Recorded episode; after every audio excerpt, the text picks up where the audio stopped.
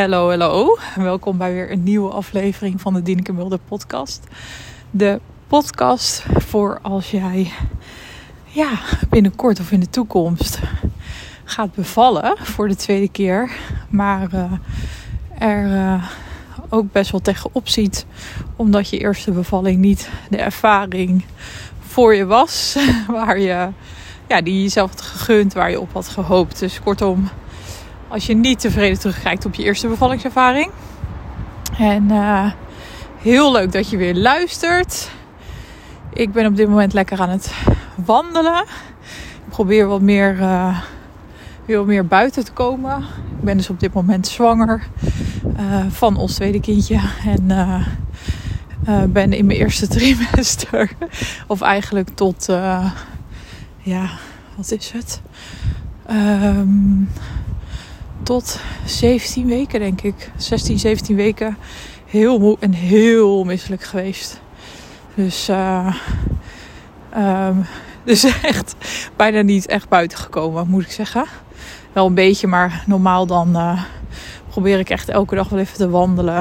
Of in ieder geval buiten te zijn.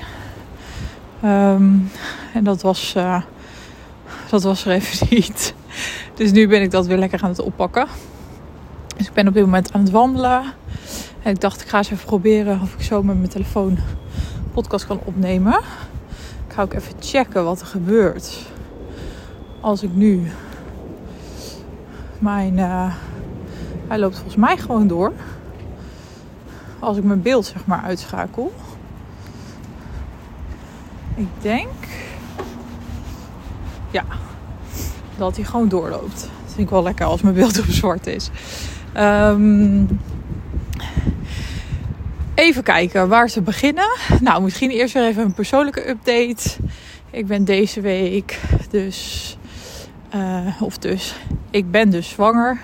Als je mijn podcast langer luistert, dan weet je dat. Maar mocht je deze aflevering voor het eerst luisteren, ik ben nu dus zelf zwanger van mijn tweede kindje, van ons tweede kindje. En uh, um, deze week ben ik 19 weken zwanger. We hebben ook deze week de 20 weken echo. Wij hebben er bewust voor gekozen dit keer om maar twee echo's te doen. Dus we hebben de 11 weken echo gedaan, zoals termijn echo.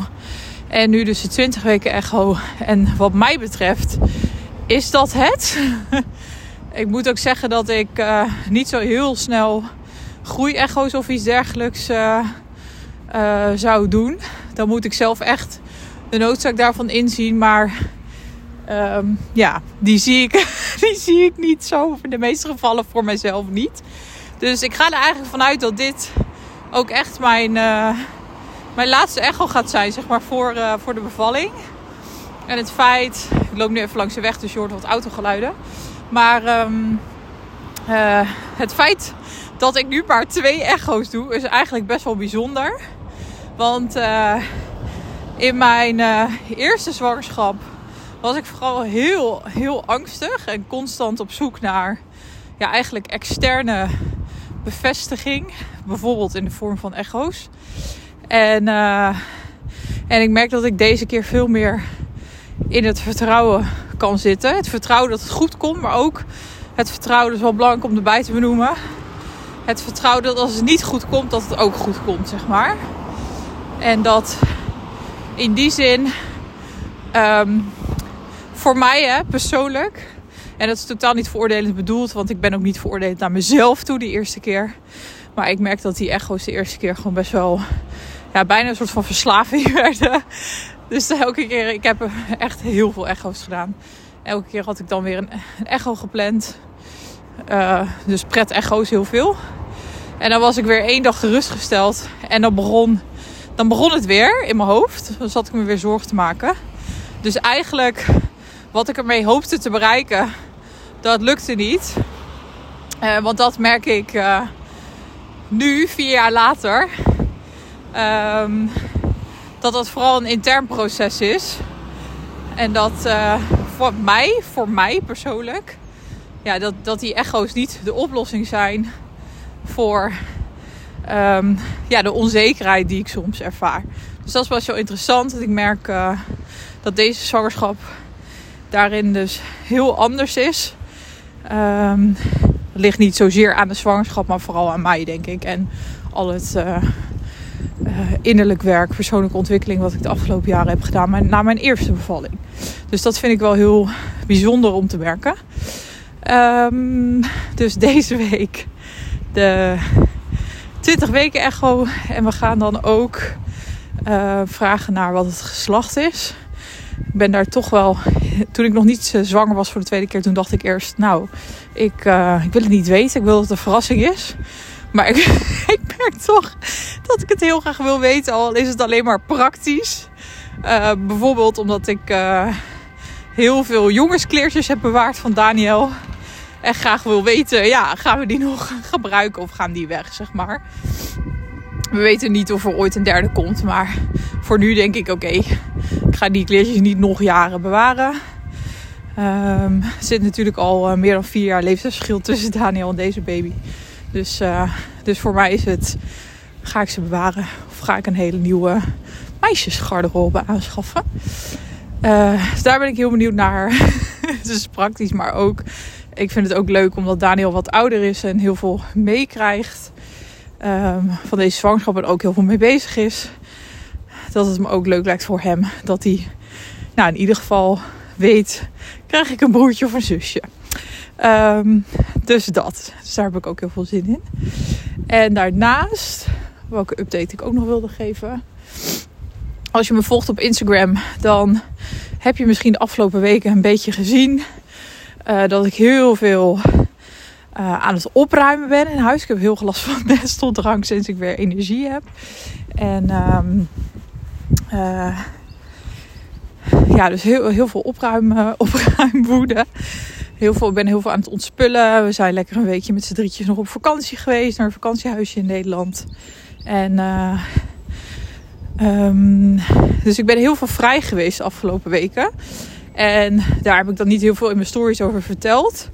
Maar dat vind ik dan iets. Um, dat vind ik fijner om te vertellen, zeg maar, in een podcastaflevering. Want uh, hoe zit dat nou? Um, wellicht vind je dat helemaal niet boeiend. Misschien ook wel. maar ik dacht dat is misschien ook wel goed om te vertellen. Want ik heb nu twee jaar, meer dan twee jaar mijn eigen bedrijf. Dus ik heb twee jaar lang helemaal voor mezelf gewerkt. En uh, dus twee jaar geleden mijn baan en loon iets opgezegd. Met als grootste doel om, uh, om uiteindelijk dus mijn coachingpraktijk te starten. En vrouwen te helpen die, uh, net als ik, negatief, niet tevreden terugkijken op een eerste bevalling. En heel graag weer uh, zin willen krijgen in een tweede bevalling. En, uh, en vooral willen leren hoe zorg ik dat het echt mijn ervaring wordt. Um, dat ik erop kan terugkijken met het tevreden gevoel dat ik mijn eigen keuze heb kunnen maken. En in de regie um, kan zijn. En wat ik twee jaar geleden heb gedaan, is dat ik eigenlijk twee verschillende bedrijven tegelijkertijd ben gestart. Ik hoor trouwens dat iemand aan het zagen is. Dus dat, dat ga je er tussendoor horen, denk ik. Maar goed, we gaan, uh, gaan even kijken of dat heel hard horen is. Ja, ik denk het wel. Nou ja. Um, even kijken, waar was ik? Ja, dus wat ik twee jaar geleden heb gedaan, ruim twee jaar geleden inmiddels, is dat ik eigenlijk twee bedrijven tegelijkertijd ben gestart. Ik heb een achtergrond in uh, psychologie. Ik ben opgeleid als toegepast psycholoog. En, uh, en ik ben um, na mijn studie um, binnen HR-afdeling. Dus Human Resources afdeling in het bedrijfsleven gestart. En daar heb ik altijd uh, me gefocust op recruitment. Dus eigenlijk het werven en selecteren van nieuw personeel. Ik heb heel veel binnen techbedrijven gewerkt. En uh, je hoort me trouwens echt zo. Ik ben heel snel buiten adem. Doordat ik zwanger ben, maar ook denk ik omdat ik gewoon drie maanden zo weinig heb gedaan. Dus ik moet echt mijn conditie weer opbouwen, merk ik. Um, maar in ieder geval. Um, dus dat is ook het ene bedrijf wat ik destijds ben gestart. Omdat ik dacht, um, die coachingpraktijk, dat is mijn droom. Maar dat moet ik helemaal vanaf nul starten. Daar heb ik geen ervaring in. Uh, überhaupt in het het gaat niet alleen om het coachen, maar ook gewoon het ehm, starten van een praktijk en uh, marketing, sales, nou, alles wat daarbij hoort. Gewoon het ondernemerschap. Dus ik heb besloten van. Um, ik wist al wel, ik ga dat niet naast mijn loondienstbaan doen. Want ik werkte toen nog bijna fulltime. Volgens mij werkte ik 36 uur zelfs. Dus toen was Daniel al geboren. Dus ik dacht, ik ga gewoon voor mezelf doen wat ik al ken. Dat namelijk recruitment, dat doe ik al 10 jaar. Um, dus daar start ik een bedrijf en daarnaast ga ik die coachingpraktijk opbouwen. Dus zal niet een te lang verhaal van maken, maar dat heb ik dus de afgelopen twee jaar gedaan. Dus ik heb eigenlijk twee bedrijven tegelijkertijd gedraaid. En op zich ging het ook best wel goed. Ik heb gewoon uh, financieel ging het echt heel goed. Vooral um, wat betreft mijn recruitmentbedrijf. Um, en mijn coachpraktijk, vooral het afgelopen jaar, uh, is ook echt van de grond gekomen. Dus ik heb uh, het afgelopen jaar echt een aantal vrouwen ook mogen coachen in, uh, in trajecten. Vond ik echt fantastisch om te doen. Ik heb nu nog twee trajecten lopen die een beetje richting het einde gaan. Um, maar heel veel ervaring mogen opdoen. Um, en, dat is niet het hele verhaal. Want ik begon op een gegeven moment ook te merken dat het gewoon ja, best wel pittig is. En dat wist ik niet van tevoren. En ik heb ook geen spijt van mijn keuze, want ik geloof heel erg dat je. Ja, dat je ook. Dat je vaak dingen eerst moet ervaren om erachter te komen of iets wel of niet werkt. En ik geloof ook heel erg dat het leven voor je werkt. En dat uh, no matter what. En dat uh, het loopt zoals het mag lopen, zeg maar. Dat, het, dat er altijd een bedoeling achter zit. Die mindset helpt mij altijd heel erg trouwens. En vooral, vooral als er, uh, um, ja, hoe zeg je dat, uitdagingen op mijn pad komen, helpt deze mindset ontzettend. Um, maar ik begon gewoon steeds meer te merken, wel vooral na anderhalf jaar denk ik, dus twee bedrijven tegelijk draaien, dat het echt heel pittig is om je focus te verdelen. En dat het ook best wel pittig is dat ik ervaar heel veel passie en enthousiasme voor mijn coachingspraktijk. En een stuk minder voor dat recruitmentbedrijf. Ik vind het niet. Ja, het is niet vervelend om te doen. maar het is niet dat ik er nou echt heel warm voor loop. Of ik, laat ik zo zeggen, ik ervaar niet dezelfde passie en enthousiasme. Als, ik, uh, als dat ik ervaar voor, uh, voor mijn coachingpraktijk en voor het opnemen van deze podcast en uh, content voor Instagram bijvoorbeeld. Dat is gewoon heel anders. Alleen als je een bedrijf um, ja, draaiende wil houden, gezond wil houden, dan, uh, dan zul je hoe dan ook marketing moeten doen, netwerken, sales. Um, dus ook voor mijn recruitmentbedrijf. En uh, dat hoort er nou eenmaal bij. En op zich is dat ook wel steeds goed gegaan, klanten vinden en zo. Alleen het voelde steeds meer soort van trekkerig. Ik merkte dat ik er gewoon geen zin meer, ja, steeds minder zin in kreeg. En, uh, um, en toen werd ik zwanger. Dus daar kwam ik in, even kijken hoor, begin december volgens mij achter. Ja, begin december. Dus afgelopen jaar, 2023. En, uh, en toen, vanaf dat moment, is er heel erg veel veranderd. Het grappige is dat die zwangerschap. Nee, wacht, even een stukje terug. Mijn grootste angst. Um, en ik denk ook dat dat een van de redenen is waardoor het uiteindelijk 2,5 jaar heeft geduurd voordat ik zwanger raakte van deze baby. Wat helemaal oké is. Um, een van de redenen.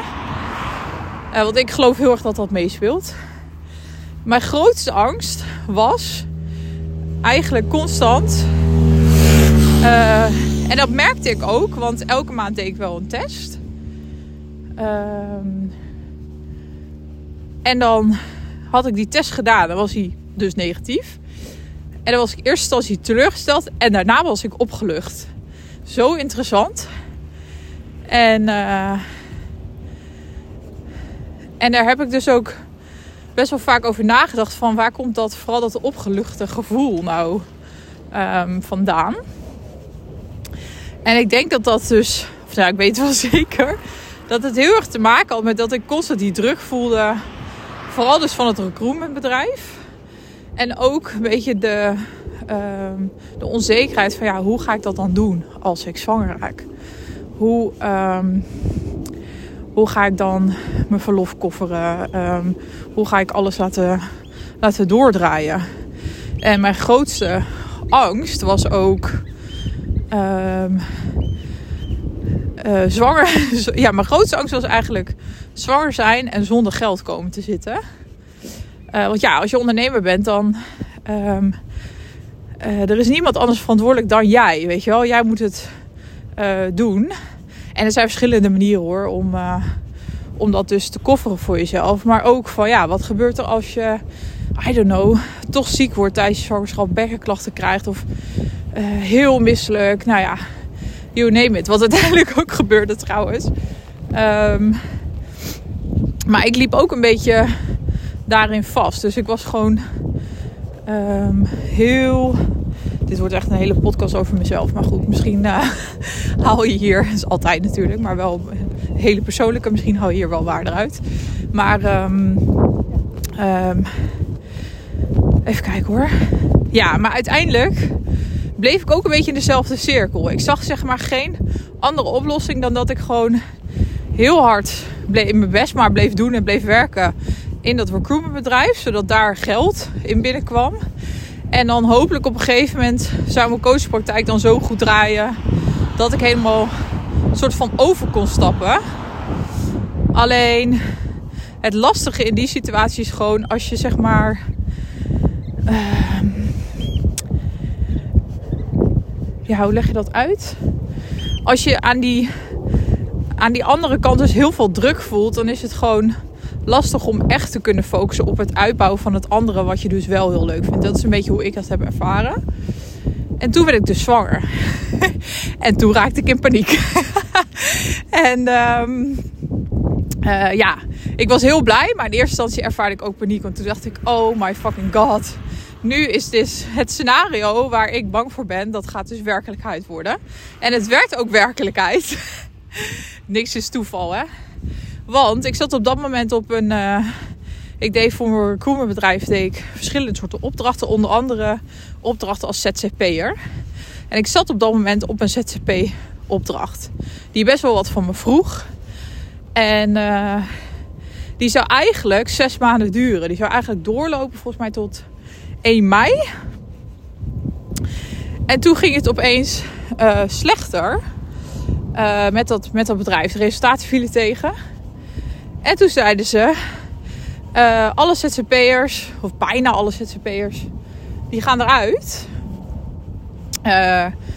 per uiteindelijk heb ik nog tot 1 februari doorgewerkt. Maar eigenlijk zou het misschien zelfs nog wel eerder stoppen. Was heel veel onzekerheid. Waardoor ik dus ook heel onzeker werd. En direct dacht, ja zie je wel. Nu wordt, wordt mijn angst, self-fulfilling prophecy hè. Nu wordt mijn angst dus werkelijkheid. Nu ben ik dus zwanger. Ik voel me fucking kut. Want ik was dus heel moe en heel misselijk. Dus ik kon ook niet alles geven. Dus daar voelde ik me ook schuldig over. En uh, straks zit ik dus zonder geld. En hoe ga ik dit dan doen? En heb ik ook geen mogelijkheid om een soort van buffer op te bouwen. Nou kortom, ik maakte me heel veel zorgen. En, uh, maar soms, ik geloof heel erg dat je dat, soms dat soort momenten juist nodig hebt. Laat ik het zo zeggen, wat ik heel erg heb geleerd de afgelopen jaren, is dat de grootste um, veranderingen, um, de beste keuzes voor jezelf maak je heel vaak nadat er iets op je pad is gekomen wat je, wat je eigenlijk niet wilde. Um, wat je in eerste instantie denkt van, waarvan je in eerste instantie denkt van, oh, nu gaat alles mis. En gewoon de meest uitdagende, verdrietige, negatieve situaties. Um, want wat er bij mij gebeurde, is dat ik vervolgens heel erg ging nadenken: ja, wat, wat wil ik nou? Wat wil ik nou echt? Wat wil ik nou echt? En toen besefte ik me heel erg. Nou, ten eerste wil ik gewoon ehm, me een soort van, eh, hoe zeg je dat, veilig voelen tijdens deze zwangerschap. Dus als ik ziek word of als ik heel vermoeid blijf, heel misselijk, dat ik niet constant gestrest ben over inkomen, over geld. Um, ik wilde voor mijn gezin kunnen zijn. Dus ook als ik bevallen ben, wil ik gewoon zoveel mogelijk tijd kunnen doorbrengen met mijn gezin. Er voor Daniel kunnen zijn. Um, zoveel mogelijk tijd met de baby. Dus dat was eerste. En daarna kwam, ja, eigenlijk wil ik gewoon. Ik wil gewoon op de lange termijn dat recruitment uit. En gewoon helemaal kunnen gaan voor mijn passie, mijn droom. Um, mijn coachingpraktijk. En, uh, en dat zorgde ervoor dat ik opeens heel anders ging denken. dat ik aan andere mogelijkheden ging denken. Waar, waar ik, als ik niet zwanger was geworden, uh, of nog niet zwanger was geweest, nooit over na had gedacht. Of in ieder geval, dan had ik nooit dat, um, denk ik, laten passeren als, uh, uh, als mogelijkheid, zeg maar. Dus toen, uh, um, dus dat hielp me heel erg om heel anders te gaan denken. En om, om ook andere opties, zeg maar, te gaan overwegen. Dus dat, dat was eigenlijk iets heel goeds, om het zo maar te zeggen. En um, even denken hoor, soms dan raak ik de draad een beetje kwijt. Ja, dus eigenlijk was dat iets heel positiefs, maar dat zag ik toen nog niet. Maar ik wist al wel, ik, ik merk dat in dit soort situaties uh, dat er echt van alles voorbij komt. Allerlei emoties. En dat ik het ook heel moeilijk vind. En ik weet nog, toen het allemaal net gebeurde. En dat die opdracht eerder zou stoppen en zo. Dat ik echt tegen een vriendin zei van... Dit heeft vast en zeker een bedoeling. Maar ik zie het echt nog niet. En ik vind het nu heel erg kut. maar het hielp wel om al een soort van te zien van... Op een gegeven moment gaat er een punt komen dat ik snap wat de bedoeling hiervan is. En waarom ik nu in deze situatie zit. Um, en uiteindelijk kwam dat er ook, want uiteindelijk ben ik gaan kijken. Oh ja, en wat er nog gebeurde, ook best wel bijzonder qua timing. Ja, nogmaals, toeval bestaat niet. Um, Patrick kreeg een nieuwe baan, waarmee hij veel, echt opeens veel meer ging um, verdienen. Echt een hele grote stap zou gaan maken in salaris. En in onze relatie ben ik altijd degene geweest die het meest verdiende. Die zeg maar het meest financieel droeg. En uh, dat is helemaal oké. Dat heeft nooit uh, problemen opgeleverd. Het was helemaal goed. Wij zijn sowieso allebei heel relaxed met geld. Soms een beetje te relaxed. maar we hebben gewoon het altijd gedeeld en zo. Hallo. En um, uh, dus dat, is, dat was helemaal prima. En ik heb ook nooit gevoeld van... oh, wat irritant dat ik het meeste draag of zo. Echt totaal niet. Maar het was wel heel bijzonder dat toen ik dus opeens zwanger bleek te zijn, dat hij op dat moment een nieuwe baan vond na zes jaar bij zijn, um, ja, toen zijn huidige werk. En dat hij opeens een mega grote stap ook zou maken in salaris. Waardoor er voor mij ook een soort van druk van mijn schouders afviel. En waardoor ik dus op dat moment ook dus daardoor hele andere um, ook weer hele andere dingen kon gaan overwegen. Dus dat was ook best wel bijzonder. Dat speelde ook mee. En toen begon ik opeens te denken van ja, wat wil ik nou? Ik wil gewoon, wil gewoon een tijdje even zo min mogelijk druk ervaren. En me gewoon veilig voelen, gedragen voelen. Dus toen heb ik besloten, oh het is echt heel vies hier. echt aan het wandelen, het is echt super modderig. Maar uh, uh, toen heb ik besloten om te gaan kijken naar loondienstbanen. En ik heb best wel veel gesolliciteerd. En, uh, en ik merkte ook naarmate ik solliciteerde dat ik steeds beter wist van oké, wat wil ik dan? Ik heb zelfs, uh, ik heb dus op recruitmentbanen gesolliciteerd, maar ook echt op hele andere dingen in de zorg bijvoorbeeld. En iets bij een bedrijf als personeelsplanner. Uh, en ik merkte uiteindelijk dat wat, me, wat ik vooral wilde, was gewoon een fijne werkomgeving en 24 uur kunnen werken. Maar in recruitment, en vooral als je bij commerciële bedrijven werkt, uh, is dat helemaal niet normaal. Is niet gangbaar. Zeg maar in de zorg is het heel gangbaar dat je 24 uur werkt. Um, maar in recruitment niet. Dus uh, overal waar ik. Oh ja, en ik was toch zwanger aan het solliciteren. Dat ook nog. Dat vond ik ook heel spannend. Uh, maar ik heb het wel gedaan. En bijna iedereen reageerde echt super goed. Dus dat was heel fijn. Um, maar ik merkte vooral van. Het gaat me niet zozeer om wat ik precies ga doen. Maar vooral is het een fijn bedrijf. Krijg ik een fijne manager. En kan ik 24 uur werken. En ook nog een beetje mijn eigen tijd indelen. Want ik haal twee dagen per week Daniel uit school. We hebben het allemaal zo kunnen regelen dat hij dus niet naar de BSO hoeft. En dat willen we heel graag zo houden. Dus het kan. Uh, dus dat was ook een van mijn eisen. Ik zei ook van ja, ik wil twee dagen per week mijn zoon uit school halen. Dus, uh, dus kijk maar of dat, uh, of dat kan. Dus ik merkte dat de, zeg maar de, de voorwaarden van de baan eigenlijk belangrijker werden voor mij dan ja, precies wat ik zou gaan doen. En toen heb ik uiteindelijk, um, nou lang verhaal kort, nou het is echt een heel lang verhaal geworden. Maar toen heb ik uiteindelijk een, uh, uh, een baan gevonden. En uh, wel weer in recruitment, maar wel echt met super goede voorwaarden, 24 uur werken. Um, oh ja, dat was ook nog een van mijn voorwaarden dat ik veel thuis kon werken. Nou, bij deze baan hoef ik waarschijnlijk, soms een beetje uitzondering, maar, maar één dag per week op kantoor te zijn. En de andere twee dagen thuis. Dus dat is heel fijn. Hele fijne vrouwelijke manager. Um, ja, gewoon heel goed gevoel had ik hierbij. En ook hoe ze reageerde op dat ik vertelde dat ik zwaar ben en zo. Um, dus ik, ja, ik voelde gewoon gelijk, oké, maar dit, um, dit lijkt me gewoon heel fijn. En ook het feit dat je, ook het stukje soort van veiligheid dat ik weet van, natuurlijk hoop ik dat het niet gebeurt, maar als ik toch, weet ik wat, klachten krijg aan het einde van mijn zwangerschap, dat ik me ziek kan melden, dat ik niet in de stress zit over geld, dat ik gewoon netjes met verlof kan. Um, en dan niet tijdens mijn verlof al denken van shit, ik moet straks weer, moet weer geld binnenkomen. Um, dat, uh, ja, dat vind ik heel, heel fijn.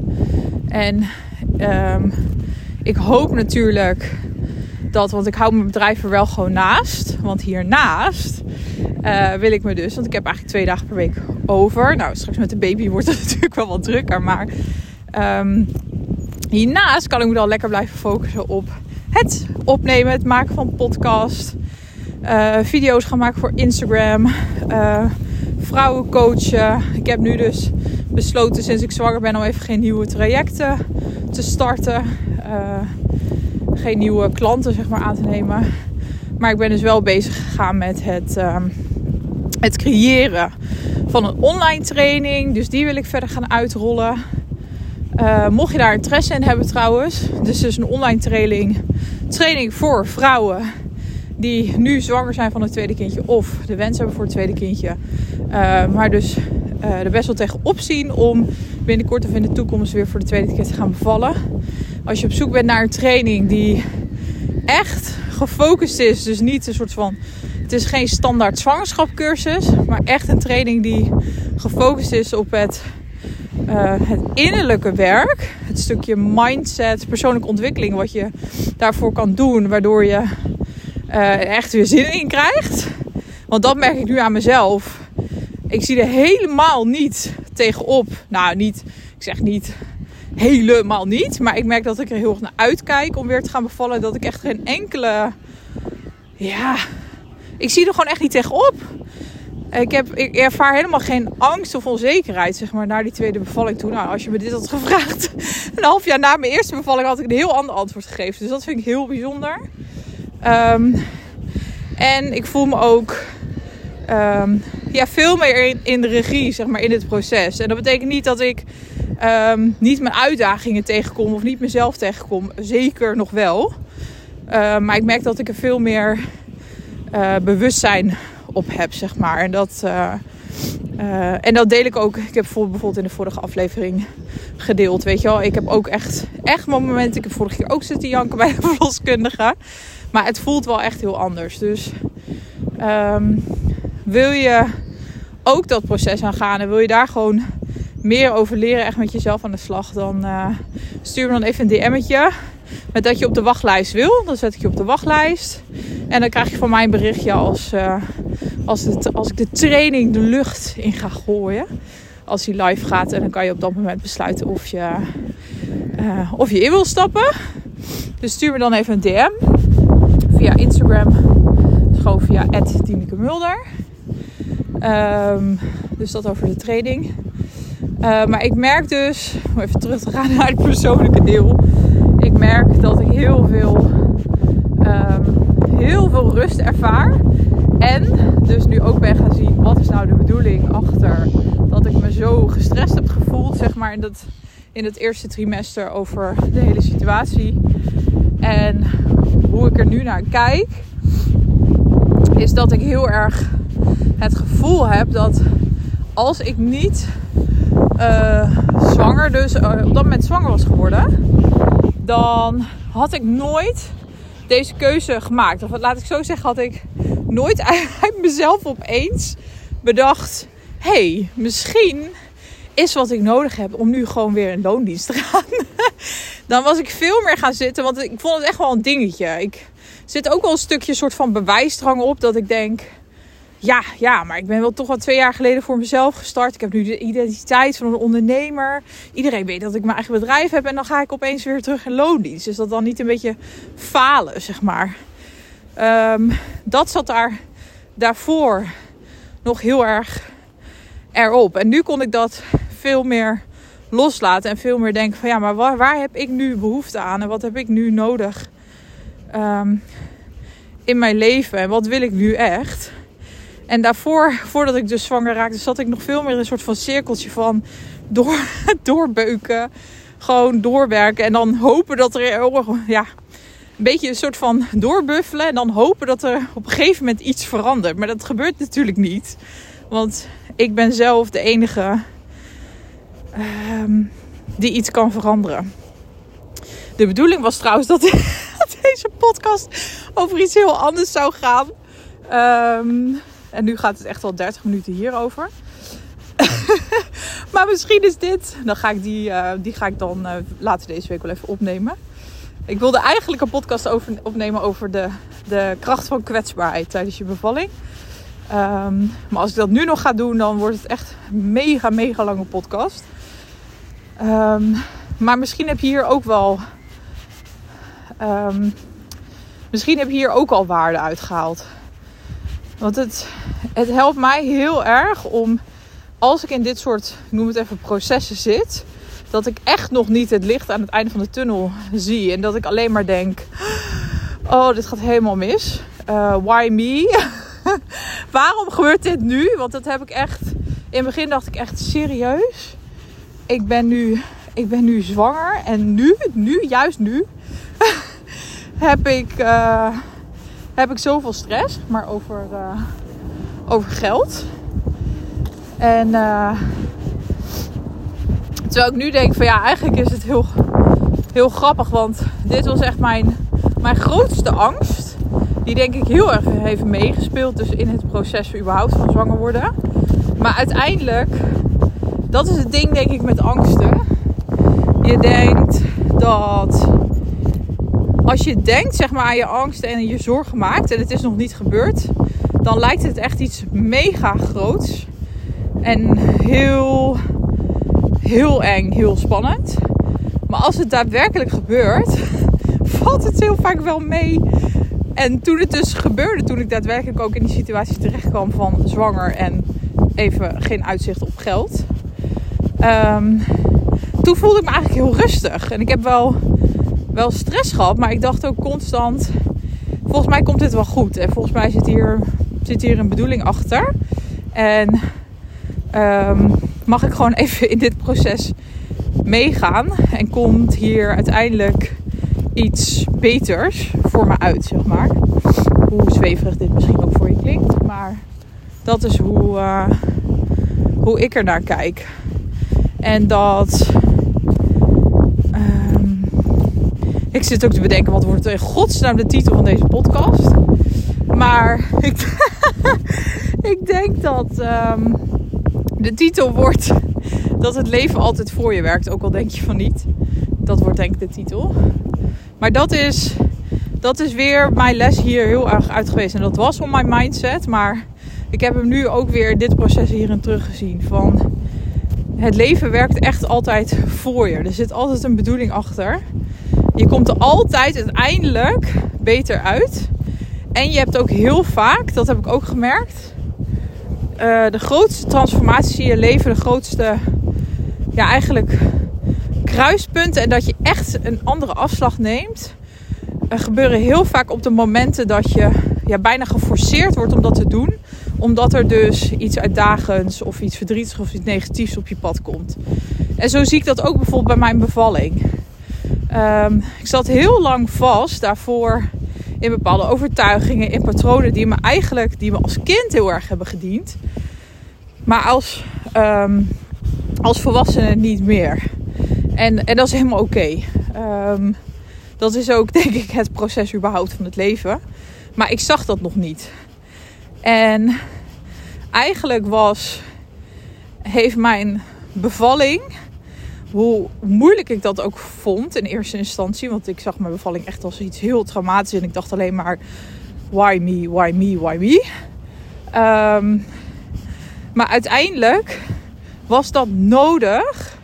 En dit is denk ik, mijn bevalling stond nu toe mijn grootste ja, die heeft de grootste, allergrootste transformatie denk ik in gang gezet. Maar dit soort gebeurtenissen en ik focus natuurlijk met deze podcast op bevallen.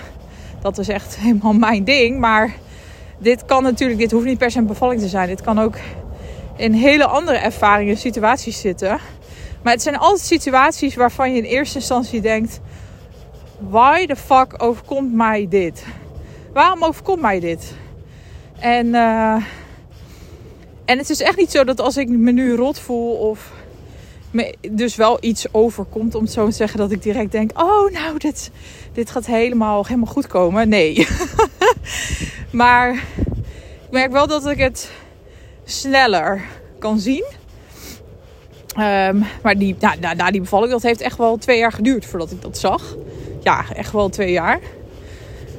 Maar die hele bevallingservaring heeft mij eigenlijk een soort van ja, bijna geforceerd of een soort van gedwongen, wat voor woord je ook wil voor gebruiken, om anders naar mezelf te gaan kijken. Om meer bewustzijn te krijgen op die patronen en overtuigingen waar ik in vast had, die mij niet meer dienden. Um, niet meer dienden in de zin van um, dat ik helemaal niet in contact was met mijn eigen lichaam. Ik luisterde niet naar mijn eigen behoeftes. Ik was alleen maar aan het. Ik zat alleen maar vast in een soort van ja, red race in mezelf. Uh, was constant gestrest. Uh, ik sprak me niet uit. Ja, heel, heel anders. Ik stond heel anders in het leven dan um, hoe ik nu in het leven sta. Um, en, en ik heb ook echt wel nog mijn momenten. Weet je, gisteren. Uh, ik merk dat. Dat sinds, uh, sinds ik weer energie heb en mijn misselijkheid weg is, dat ik uh, weer een beetje verval in, yes, we gaan lekker knallen. Want normaal heb ik heel veel energie, dus ik vond het heel moeilijk dat ik dat eerste trimester echt soort van alleen maar in bed en op de bank wilde liggen. Want dat, that's not me, zeg maar. ik hou er echt van om gewoon lekker veel te doen op een dag. Uh, lekker naar buiten. Ik heb gewoon hoog energielevel normaal. En ik vond het best wel moeilijk. Het lukte me wel om daarnaar te luisteren. Maar ik werd ook ongeduldig. Ik dacht ook, eh, verdorie, wanneer is dit nou afgelopen? Ik wil gewoon, ik wil me weer mezelf voelen. Ik wil gewoon weer dingen doen. En uh, toen op een gegeven moment ging dat richting een einde. En uh, door de zwangerschap zelf, door, ik heb acupunctuur gedaan. Ik ben op een gegeven moment, dat doe ik nog steeds, vloeibare ijzer en magnesium bij gaan nemen. Dus het zal allemaal meegewerkt hebben. Maar op een gegeven moment merkte ik, oh my god, ik ben er weer. Nou, niet helemaal trouwens. Ik merk nog steeds wel echt dat ik zwanger ben hoor. Maar nog steeds wel vermoeid, ook s'avonds. Maar opeens had ik gewoon weer energie overdag. En toen voelde ik dus sinds twee weken of zo onwijs ja, druk. Noem het druk, uh, nesteldrang. Call it what you want. Maar ik ervaarde echt opeens van maar nu moet ik aan de slag. Want straks ben ik 20 weken zwanger. En ik zit op de helft. En nou ja, ik, en, daar zit ik nog steeds een beetje in. Maar ik wilde gewoon het hele huis ontspullen. En, uh, en wat er gisteren, gisteren gebeurde. Oh ja, want dat is het ook. Want 1 maart uh, begin ik dus met mijn nieuwe baan. Dus ik dacht, oké, deze week ben ik nog vrij. Daniel zit op school. Um, dus, uh, dus nu moet het gebeuren. Ik moet gewoon voor 1 maart. Een belachelijke deadline ook. Maar ik moet gewoon voor 1 maart. Dan moet dat hele huis leeg. Dus dan, ik ga dan echt op standje gewoon knallen, knallen, knallen. En ook echt honderd dingen tegelijk doen. De hele tijd. Dan zie ik daar wat, dan ga ik daarmee bezig en dan weer daarmee bezig en zo. En ik merkte gewoon dat ik helemaal gesloopt was gisteravond. Maar ook dat ik gewoon heel erg overprikkeld was. Um, Daniel kwam uit school. En die was een weekje vrij geweest. En hij had heel veel zin in, maar hij was ook heel erg overprikkeld omdat hij dus weer naar school was geweest. En ik vond het heel moeilijk om er voor hem te zijn, want hij was eigenlijk te veel. Waar, waar ik me dan weer schuldig over voel. Um, want dat wil ik ook niet, weet je wel. Maar um, ik, ik beland ook nog in mijn oude patronen. Maar ik merk wel, waar ik vroeger dan geen bewustzijn op had gehad. En alleen maar zou denken, oh wat irritant dat ik me zo voel. En het zou negeren. Het alleen maar frustrerend zou vinden. En gewoon weer zou doorgaan, zeg maar. Op hetzelfde tempo de volgende dag. Lag ik nu s'avonds in bed en dacht ik, oké okay, Dieneke, dit is echt even niet handig wat je nu hebt gedaan. Uh, dit moet je morgen even anders doen. En dan, morgen is dus vandaag. En vandaag dacht ik, oké, je mag één uurtje opruimen vandaag. ja, even heel kinderachtig, maar dat werkt dan voor mij. Je mag één uurtje opruimen. Dus ik heb echt letterlijk een, timer gezet. En, uh, en ik heb één uurtje opgeruimd. En ook minder schermtijd. Want ik heb ook de neiging om heel veel te gaan Netflixen en zo. Om een beetje heel erg in mijn hoofd te gaan zitten. Dus ook een timer gezet. Weer voor Netflix. En uh, dat ga ik dan nog soms avonds doen. En, um, en gedacht, oké, vandaag ga ik echt ga ik gewoon weer naar buiten. Even gewoon buiten zijn, niet op een scherm. Nou, ik ben nu deze podcast aan het inspreken, maar dat, dat kost me dan niet veel energie, want dat vind ik heel leuk om te doen. Maar gewoon even dingen die me energie geven en niet alleen maar dingen doen die energie slurpen, zeg maar. En ook wat mezelf minder druk opleggen. Want het is eigenlijk ook echt een belachelijke deadline om het hele huis leeg te krijgen voor vrijdag. Ik heb ook nog 20 weken. Dus. Uh, um, maar dat merk ik dus heel erg door alles wat er in gang gezet is naar die bevalling. Doordat je er bewustzijn op krijgt. Dat is letterlijk wat bewustzijn is. Um, als, je er, als je je ergens onbewust van bent, dan draai je eigenlijk gewoon op de automatische piloot. En dan merk je aan jezelf, dat gaat niet helemaal lekker. Maar het is onbewust. Dus je snapt ook niet wat er precies gaande is, wat er, waar het vandaan komt. En het fijne is aan bewustzijn dat het makkelijker wordt om, vaak niet in het moment zelf hoor, maar om um, veel sneller een soort van helikopteren boven jezelf. En te kunnen zien van hé, hey, dit, is, uh, dit is wat ik nu aan het doen ben. En om jezelf dus heel snel daar weer uit te trekken. En dat bewustzijn heeft me dus ook heel erg geholpen om ja, anders te kunnen kijken naar situaties die ik gewoon moeilijk vind. Dingen dus die me overkomen. Hoe, ja, hoe traumatisch ook. Want mijn bevalling was in, echt in eerste instantie. Ik zou het nu denk ik niet meer zo noemen. Of als ik nu mensen, als iemand ernaar vraagt, dan zeg ik eigenlijk heel vaak: het was destijds heel traumatisch voor mij. Maar nu voelt dat niet meer zo. Um, dus, uh, maar dat is ook omdat ik heel erg het ben gaan zien als um, eigenlijk een heel groot cadeau. En eigenlijk iets wat, heel, wat ik op dat moment in mijn leven nodig had. Dus dat het, um, dat het leven, daar ga ik mee afsluiten. Dat ook um, met een bevalling die, die toen heel traumatisch voor me was, dat het leven echt uiteindelijk voor me heeft gewerkt. Terwijl um, in eerste instantie dacht ik, waarom werkt het leven tegen mij? Zeg maar, waarom ik? Dat, dat zit natuurlijk heel erg in die vraag. En uh, ja, dat. Dus en dat is ook weer wat ik dus een beetje heb gemerkt met deze tweede zwangerschap. En wat ik heel mooi vind, wat ik heel erg geloof, is dat elke zwangerschap, elk kindje, of het kindje nou bij je blijft of niet, hè. Um, maar dat elk kindje, elk zieltje je weer iets anders komt brengen en weer zorgt voor, ja, ik denk een soort van next level versie van jezelf. Uh, transformatie. Een nieuwe, weer een nieuwe versie van jezelf, maar ook van jezelf als moeder. Dus dat vind ik ook heel mooi. En daarmee ga ik hem afronden, want anders wordt hij echt heel lang.